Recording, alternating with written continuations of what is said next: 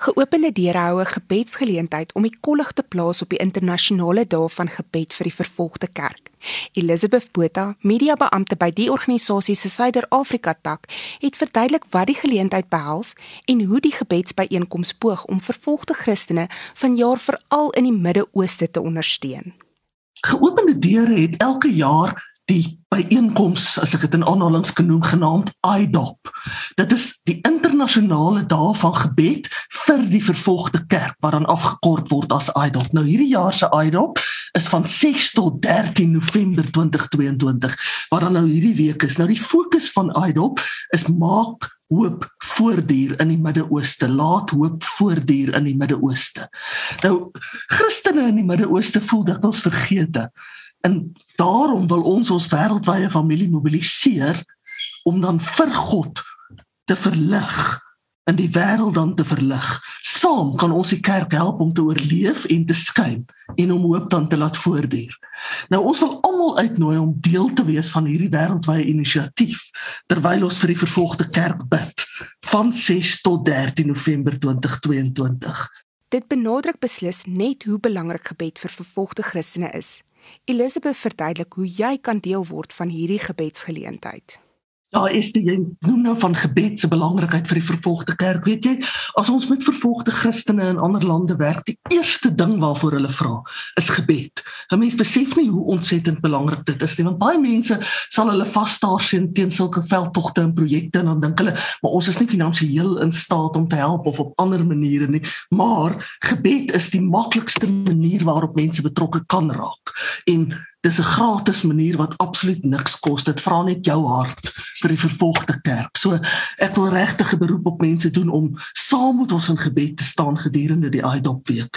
Nou IDOP vorm deel van die 1 miljoen stemme in gebed veldtog vir die Midde-Ooste waaroor ons ook in die vorige onderhoud gepraat het. Die 1 miljoen stemme in gebed veldtog vir die Midde-Ooste is daarop gemik om fisies 'n miljoen mense reg oor die wêreld te kry om in gebed vir die Midde-Ooste te verenig en om dan op daardie manier vir die vervolgde kerk te wys dat daar 1 miljoen liggies in hoop opgaan dwars oor die wêreld en dat 1 miljoen mense saam bid vir die vervolgde kerk. Nou daar's hoofsaaklik 3 belangrike maniere waarop mense betrokke kan raak by IDOP. Die een manier wat die heel eenvoudigste is, is om reg deur die dag te bid. So jy kan dwars deur die dag kort kort of aaneenlopend hoe jy ook al verkies, kan jy bid vir die vervolgde kerk en vir gebedspunte vir die vervolgde kerk wat ek ook later sal noem. Dan die tweede manier waarop jy betrokke kan raak is om 'n gebedsbyeenkoms aan te bied, het sy in jou kerk of by jou Christelike organisasie waar jy dan fisiese verteenwoordiger van geopende deure nooi om by jou te kom praat tydens hierdie gebedsbyeenkoms. En dan die verteenwoordiger wat dan kom praat gaan dan wye inligting gee hulle 'n hele pakket met inligting wat hulle dan bekend maak oor hoe mense nog meer kan verenig in gebed vir die vervolgde kerk. En dan die derde manier wat ek nou al genoem het, is jy kan aansluit by die 1 miljoen gebede van hoop globale veldtog en so help om die wêreld in gebed te verlig vir die vervolgde kerk. Nou dis baie maklik om deel te word van die 1 miljoen stemme van gebedveld tog ek sal ook weer later in die onderhoud daaroor spesifiek uitbrei. Maar ek wil regtige beroep op mense doen om een van hierdie drie maniere betrokke te raak by die vervolgde kerk. En ek kan miskien net byvoeg hoekom ons spesifiek op die Midde-Ooste fokus in hierdie veld tog is omdat die Midde-Ooste verskriklik erg geteken word deur vervolging. Mense word aangeval, hulle word soms vermoor, hulle word vervolg, hulle word verwerp, daar word teen hulle gediskrimineer. Hulle moet van hulle huise wegvlug. Ag en so kan ek aangaan om nog 'n klomp ander maniere te noem waarop hulle geteken word omdat hulle die Here dien. En lande soos Irak en Sirië byvoorbeeld loop verskriklik erg deur onder vervolging. In verlede maand se onderhoud met geopende deure het Elizabeth juis verduidelik hoe moeilik dit vir Christen gesinne in die Midde-Ooste is om Jesus in 'n oorlogssituasie te dien. Die kinders van hierdie gesinne ervaar sekerlik net soveel uitdagings. Sy gee die getuienis van 'n kind in die Midde-Ooste wat te midde van die voortsleepende oorlog ook vervolging ervaar het. Ja, ek steek graag met jou die verhaal deel van Mimi. Nou Mimi is 'n 12-jarige meisietjie van Irak en sy en haar gesin het eerstehands baie erge vervolging ervaar en hulle moes vlug weens hulle geloof, maar hulle kon toe later weer 'n nuwe lewe opbou met behulp van geopende deure. Nou kom ek vertel vir jou meer oor Mimi. Soos ek genoem het, Mimi is 'n 12-jarige meisietjie van Irak Die situasie in Irak het, is verskriklik uitdagend vir Christene met stygende vervolging, konflik en die moeilike ekonomiese situasie wat baie Christene daartoe dryf om hierdie onstabiele land te verlaat. Gedwonge ontworteling is 'n baie doelbewuste taktik van godsdienstige vervolgers om die land vry te maak sogenaamd van Christene en om kinders dan daarvan te ontneem om in hulle eie kultuur groot te word. Nou met Kersfees wat weer voorlê, is dit vir baie Christen kinders in Irak dikwels 'n baie ek kan amper sê 'n bleek tyd met basies niks om te vier nie. Maar gelowiges soos Mimi en haar ma Nadia wat van die landelike gebied Shekan afkomstig is, het nuwe hoop gevind vir 'n toekoms in hierdie land. Mimi sê sy's versot op Kersfees. Sy sê sy hou daarvan om liedjies te speel met Kersfees. Sy hou daarvan om die huis met Kersversierings mooi te maak. Sy sê sy wil vra vir glorie aan God in die hoogste, vrede op aarde en net goedheid en guns. Hierdie bekende Kersliedjies, Kersliedjie lyk asof dit perfek inpas by die vredevolle situasie op Mimi hulle se plaas. Nou Mimi het verskriklike moeilike herinneringe aan hoe hulle vervolging ervaar het. Sy was slegs 4 jaar oud toe vervolging haar familie van hulle huis weggedryf het. Hulle moes in die middel van die nag wegvlug. Hulle kon niks saam met hulle neem nie.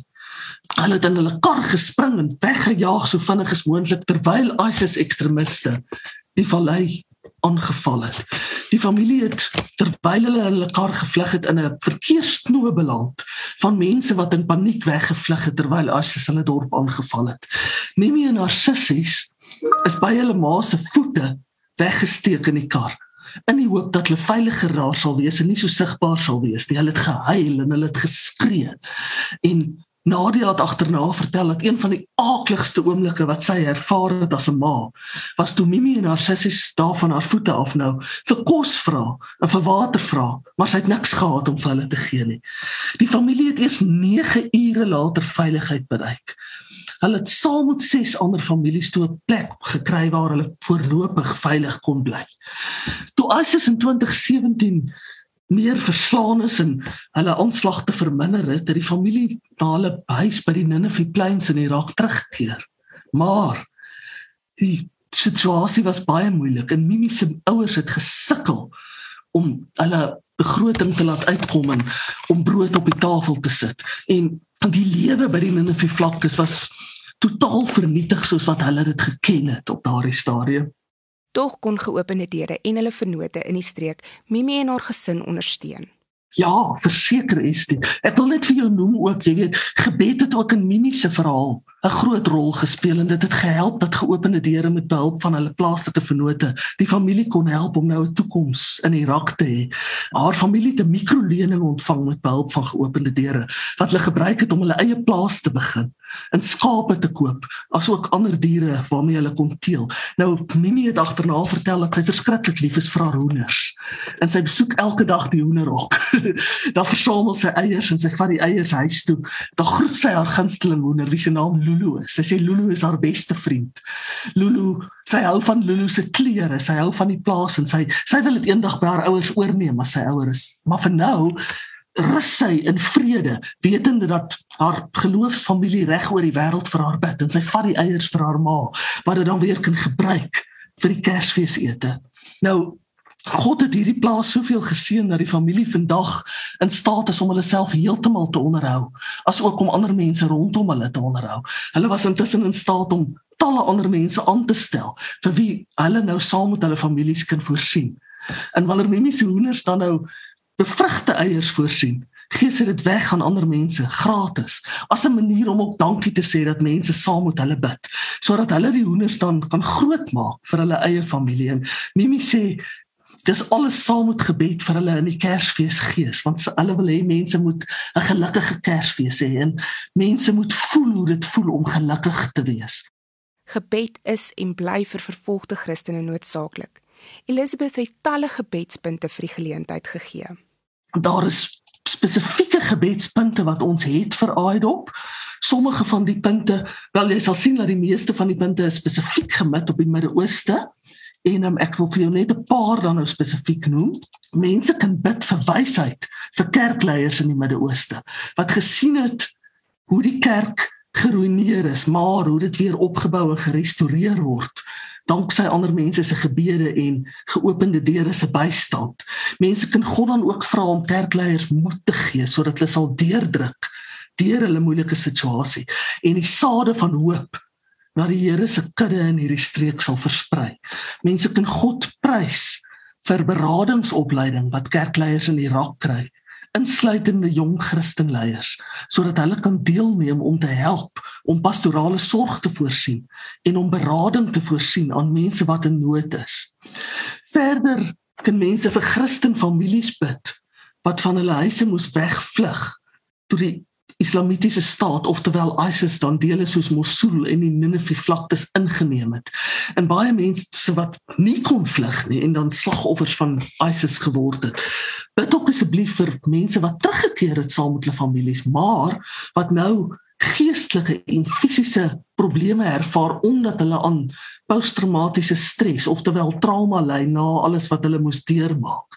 Mense kan ook terwyl hulle bid God prys vir Christen families wat teruggekeer het na hulle huise in lande in die Midde-Ooste. Bid vir krag vir hulle terwyl hulle hulle lewens dan nou herbou en terwyl hulle probeer om weer hulle self te vestig en op te bou. Mense kan bid vir die jeug in die Midde-Ooste. Hulle kan bid vir die volgende generasie gelowiges in die Midde-Ooste wat steeds sterk staan vir die Here en sy beloftes. Hulle kan bid vir die toekoms van die jeug en spesifiek kinders in die Midde-Ooste. Bid dat die Here hulle sal beskerm en vir hulle leiding sal gee om te weet wat sy doel vir hulle is. Dan kan mense ook bid dat die Christelike jeug nie diskriminasie sal ervaar of verwerp sal word weens hulle geloof nie sodat hulle dan geleenthede sal kry en dat hulle opvoeding sal kry om te groei. Mense kan ook bid vir werksgeleenthede vir die jeug in die Midde-Ooste.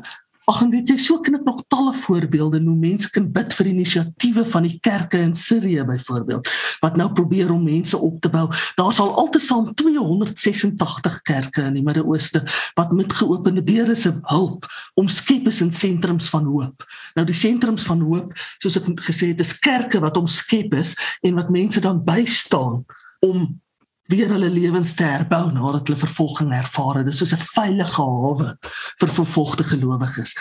Mense kan bid vir geopende deure se visie om elke kerk in Sirië en Irak in 'n sentrum van hoop te omskep.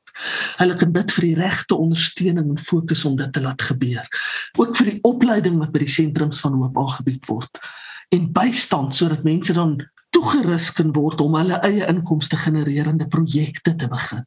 En bid ook vir waar vervolging steeds aanhou in die Midde-Ooste dat mense sal krag hê en dat hulle sterk sal staan. Verder kan mense ook bid vir ons plaaslike vennote in die Midde-Ooste wat intensief betrokke is om te help.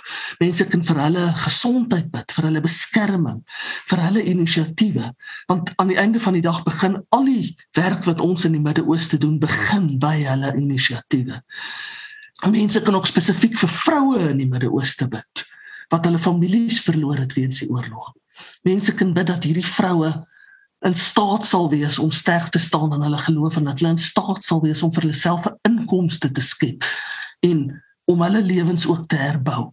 En dan die laaste punt wat ek ook genoem miskien is mense kan ook vir Christen mans bid wat teruggekeer het huis toe en ondernemings oopgemaak het deur die hulp van geopende deure se plaaslike vennote. Mense kan bid dat God asseblief hierdie man sal seën, die wat werk soek, maar ook die wat hulle eie ondernemings het. Ja, sê ek het nou 'n vreeslike mond vol gegee wat die gebedspunte betref, maar so kan mense vir talle dinge bid in die Midde-Ooste. Sy verduidelik hoe ons elkeen kan help om vervolgde gelowiges te versterk.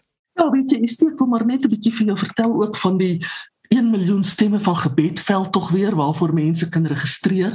Mense kan ons webtuiste besoek by www.opendoors.org.za om vir hierdie veld tog te registreer. Ek noem net weer die webtuiste www.opendoors.org.za org.za.